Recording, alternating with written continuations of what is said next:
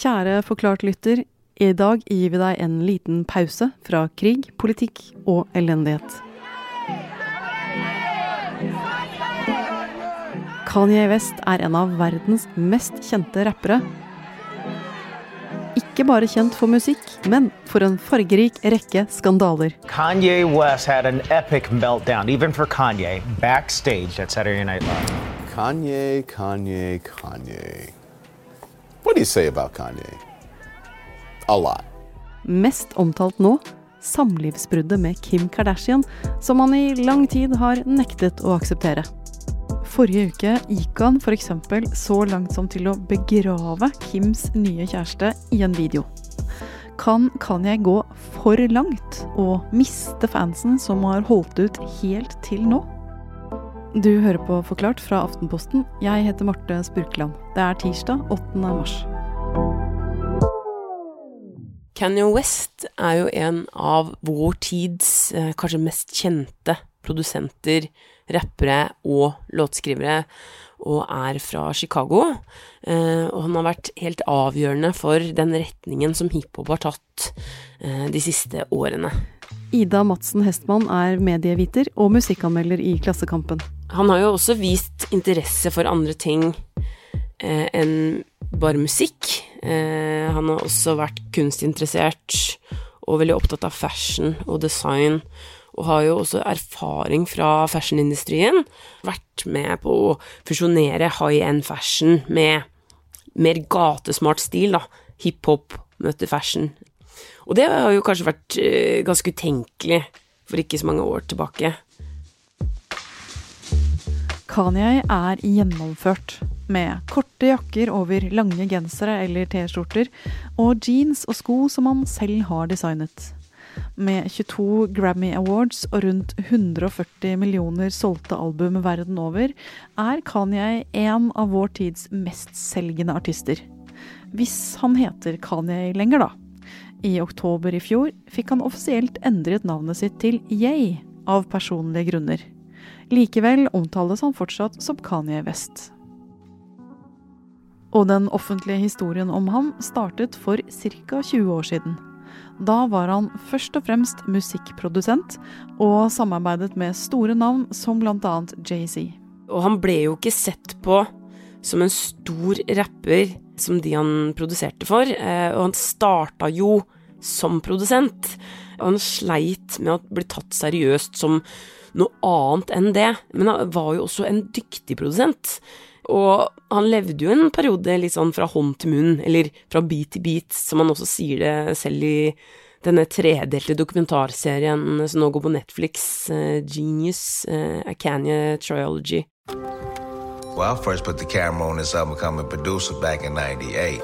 Southtown made it down here, boy. I knew he was destined for greatness.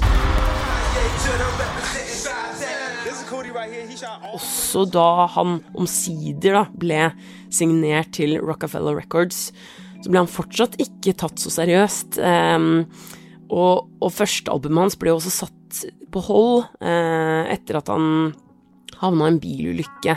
Og sleit jo med å få i gang innspilling av sitt første album, da, The College Dropout.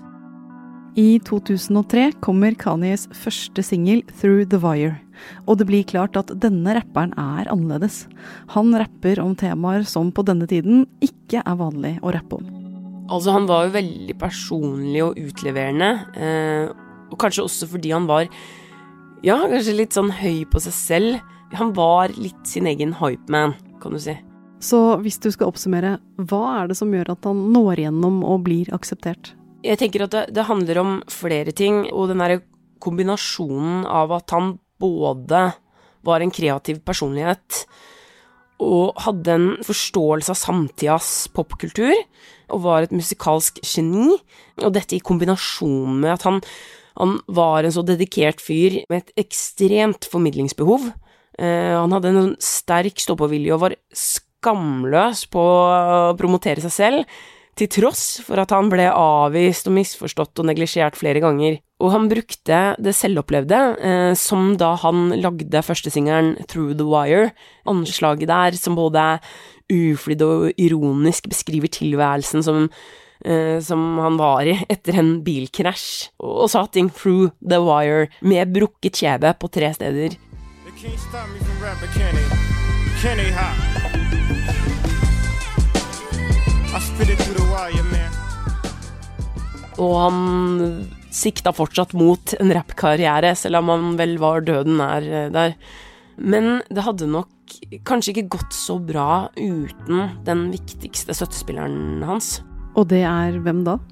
Det er moren hans, Donda West. Ja, Donda. Kanyes mor, som også var professor i engelsk ved Chicago State University, men som sa opp jobben sin i 2004 for å støtte sønnens karriere. Og visstnok så gjorde han jo alt for moren sin, og hun var hans ledestjerne. Altså før han fant seg familie selv, og han var jo mye sammen med henne. Og hun kan jo tenke seg til den situasjonen de har vært i også, når de bare har vært to.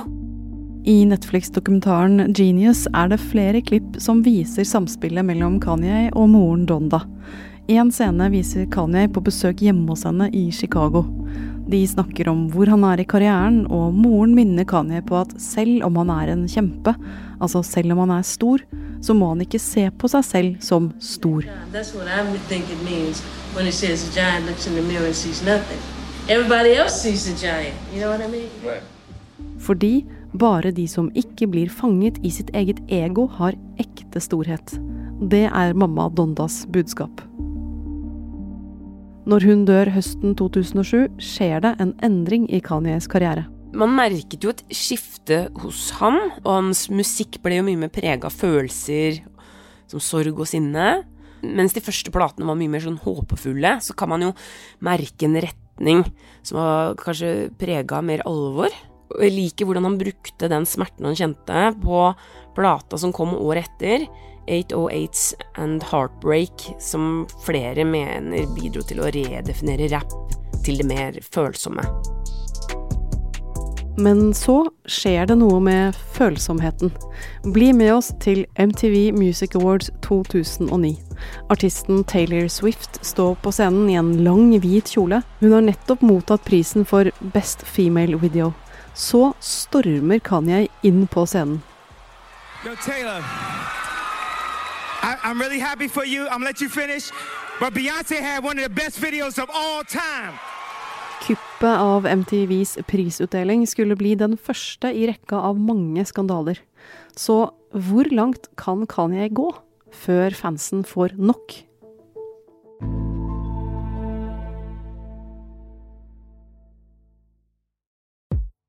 De siste årene har Kanyes kjærlighetsliv fått vel så mye oppmerksomhet som musikken hans. Rundt 2009 begynner ryktene å gå om Kanye og Kim Kardashian. I 2011 dater de offisielt. De gifter seg i 2014, og Kim blir gravid. De får til sammen fire barn. North, Saint, Chicago og Sam. Det som skjer her, er jo at du har en, en gigantisk eh, rockestjerne, eller musikerstjerne, og en gigantisk kjendis, som da kommer sammen. Robert Toftun Gjestad er musikkansvarlig i Aftenposten. Og det er jo ikke nødvendigvis at det da blir to pluss to er fire. Det er to pluss to er 40 eh, når det gjelder oppmerksomhet rundt det. Robert har fulgt Kanye hele veien fra nykommer på rappscenen til full stjernestatus. Og den første Kanye-hendelsen som var en skandale, skjedde altså ved MTVs prisutdeling i 2009. One of the best videos of all time. Da Taylor Swift får en pris for beste video, eh, hvorpå Kenya ikke syns det var helt riktig. Og det kan jo være mange uenig i, men det er jo ikke så mange som da stormer opp på scenen, tar mikrofonen og, og bare rett og slett avbryte alt sammen og fortelle at det, du har ikke fortjent den prisen her, den burde ha gått til Beyoncé. Eh, og da er det jo tydelig at, at det foregår ting i hodet hos Kanye som ikke foregår hos alle andre. Og mye av det som foregår i hodet til Kanye, gir han uttrykk for på Twitter og andre steder. Noen av utspillene hans har vakt oppsikt. Han har jo også påstått at slaveri er frivillig. Eh, Det er jo ganske kontroversielt eh, å si. When you hear about slavery for 400 years, for 400 years, that sounds like a choice. like, Og så ble han jo Trump-supporter. Han gikk jo veldig hardt inn.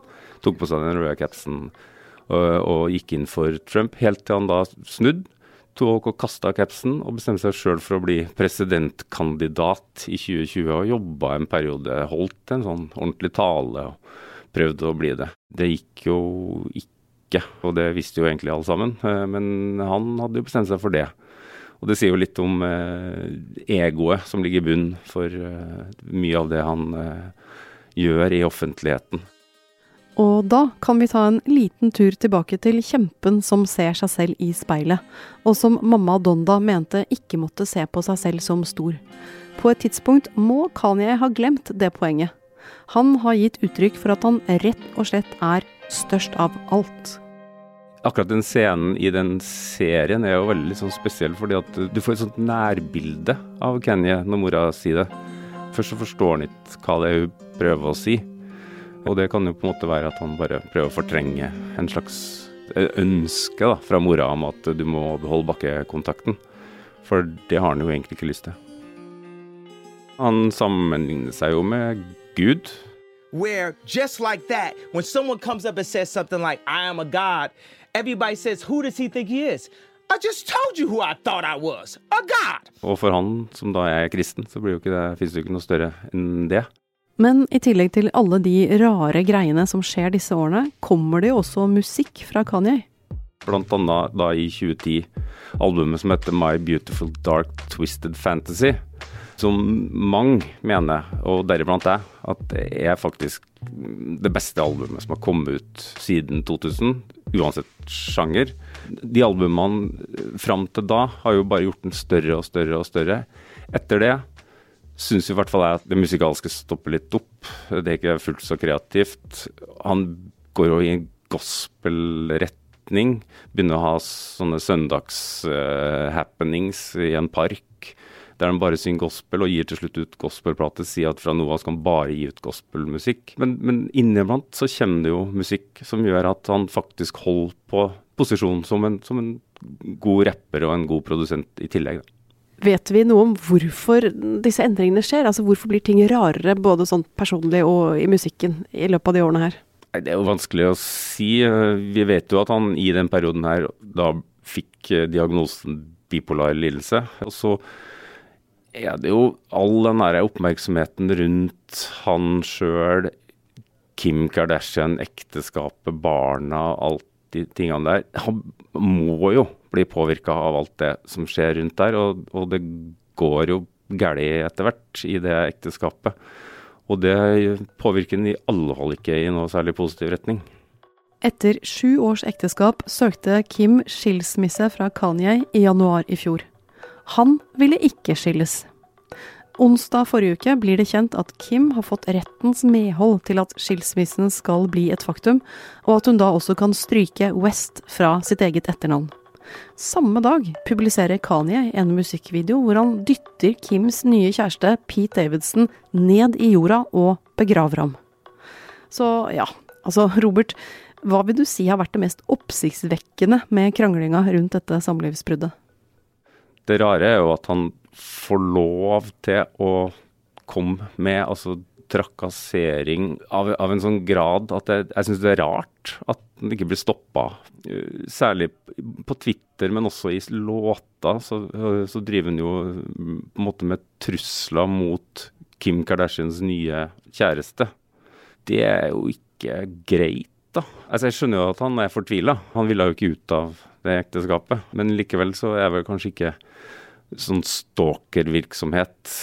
Send en busslast med roser på Valentine's Day og oppfordre folk til å rope Kimmy på konserter eller på happenings for at uh, fansen skal liksom vise at det, du hører til hos meg.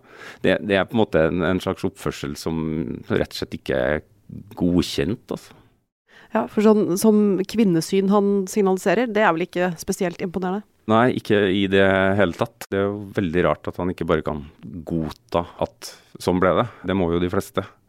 Men eh, han har jo aldri godtatt motgang, og den stå-på-viljen gjorde jo til at han faktisk har blitt en av verdens største og beste rappere. Men eh, når det kommer til det personlige og det ekteskapet her, så kan han jo på en måte kanskje kunne ha droppa litt av den stå-på-viljen. En sjelden gang skjer det at kjente folk på en eller annen måte går for langt. De sier eller gjør noe som gjør at selv de mest dedikerte følgerne får nok og sier hit, men ikke lenger. Så da er jo spørsmålet, Robert, er Kanye nå i faresonen for å bli kansellert? Altså, hvordan liker fansen hans det han driver med? Kanye-fansen er jo like polarisert som uh, USA. Så det er jo eh, det er ikke noe sånn at du kan godta noe eller også være uenig i det. Det er enten-eller. Det har jo skjedd at at enkelte har blitt på en måte hva skal jeg si, personer non grata av forskjellige grunner. R. Kelly f.eks., som har havna i masse trøbbel og ble jo tatt bort fra noen spillelister i en periode. Men Kanye West kommer ikke til å forsvinne fra Spotify, hvis noen lurer på det. Han, uh, uansett hva han sier i tekstene sine. Og fansen kommer til å være med han. Hva ville vært det beste som kunne skje for Kanye fremover? Det går jo an å håpe da, at han uh, på en måte finner en annen vei videre fremover. Vi blir jo ikke kvitt den, han kommer til å fortsette. Nå er det jo snart tolv år siden han ga ut My Beautiful Dark Twisted Fantasy-albumet. Og han har, har gitt ut gode ting etterpå, så er det en måte, den siste virkelig store plata hans. Mitt uh, håp er jo at han sletter Twitter, godtar skilsmissen, slutter å lage sånne doble studioalbum med masse kjedelig musikk, og rett og slett bare lage noen ordentlige beats og noen hits igjen. Vi vet jo at han har det i seg. Han er jo uh, genius.